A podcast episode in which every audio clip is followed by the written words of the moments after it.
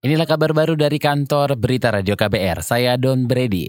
Kepolisian melarang aksi penyampaian pendapat di depan gedung Mahkamah Konstitusi. Kapolri Tito Karnavian menjelaskan pelarangan itu berdasarkan undang-undang tentang penyampaian pendapat di muka umum. Saya juga sudah menegaskan kepada Kapolda Metro dan kepada Kepala Badan Intelijen Polisian tidak memberikan izin untuk melaksanakan demo di depan uh, Mahkamah Konstitusi. Kenapa? Dasar saya adalah Undang-Undang Nomor 9 Tahun 98 Pasal 6 yaitu tentang penyampaian pendapat di muka umum. Kapolri Tito Karnavian menambahkan sesuai undang-undang itu ada lima hal yang harus ditaati, misalnya tidak mengganggu ketertiban umum, tidak mengganggu hak asasi orang lain, dan harus menjaga kesatuan bangsa. Tito juga menyatakan tidak ingin toleransi dan diskresi yang diberikan kepolisian justru disalahgunakan seperti pada saat aksi 21-22 Mei lalu. Ketika itu kepolisian melakukan diskresi dengan memberi ruang aksi unjuk rasa di depan gedung Bawaslu, padahal itu merupakan jalan protokol dan mengganggu masyarakat terutama pengguna jalan. Saudara ada aksi unjuk rasa di dekat gedung Mahkamah Konstitusi siang ini dan untuk mengetahui situasi di sana, kita sudah terhubung dengan jurnalis KBR Wahyu Setiawan. Wahyu, silakan. Saudara, saat ini saya berada di sekitaran Patung Kuda, Jalan Medan Merdeka Barat, Jakarta Pusat. Saat ini tampak sejumlah masa tengah berkumpul di area Patung Kuda. Koordinator aksi Abdullah Hema Hehamahua menyebut masa ini menggelar aksi untuk mengawal sidang sengketa Pilpres 2019 di Mahkamah Konstitusi atau MK. Dirinya menolak mengaitkan aksi ini dengan salah satu pasangan calon Pilpres pihaknya hanya menuntut MK untuk menegakkan keadilan dalam memutus sengketa Pilpres 2019. Ia mengklaim masa berasal dari sejumlah organisasi gabungan seperti GNPF Ulama, FPI, hingga alumni UI.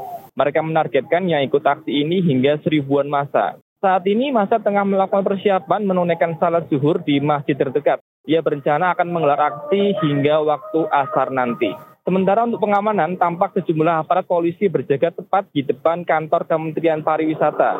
Aparat yang berjaga menghadang masa agar tidak memasuki area gedung MK. Demikian Wahyu Setiawan melaporkan langsung dari Patung Kuda untuk KBR. Baik, terima kasih Wahyu Setiawan.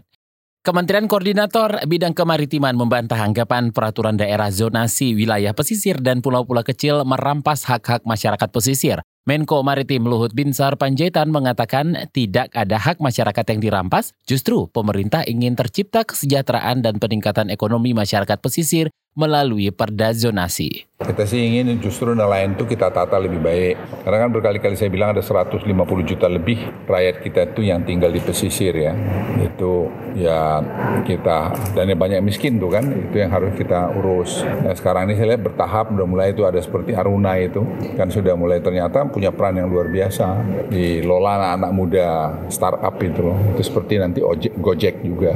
Jadi itu upaya pemerintah juga tadi untuk menangkal masalah kemiskinan atau bilang pembodohan daripada nelayan kita sehingga mereka nelayan kita juga bisa terakses keluar gitu. Menko Maritim Luhut Binsar Panjaitan menjamin apa pun yang dilakukan pemerintah akan selalu mempertimbangkan kesejahteraan dan kepentingan masyarakat. Sebelumnya sejumlah kalangan dari pemerhati lingkungan mendesak pemerintah mengkaji ulang peraturan zonasi wilayah pesisir dan pulau-pulau kecil. Alasannya peraturan itu memisahkan masyarakat pesisir seperti nelayan dan petani garam dari sumber kehidupan mereka. Perda zonasi wilayah pesisir juga dianggap lebih memberi porsi besar pada industri, infrastruktur, dan pertambangan saja.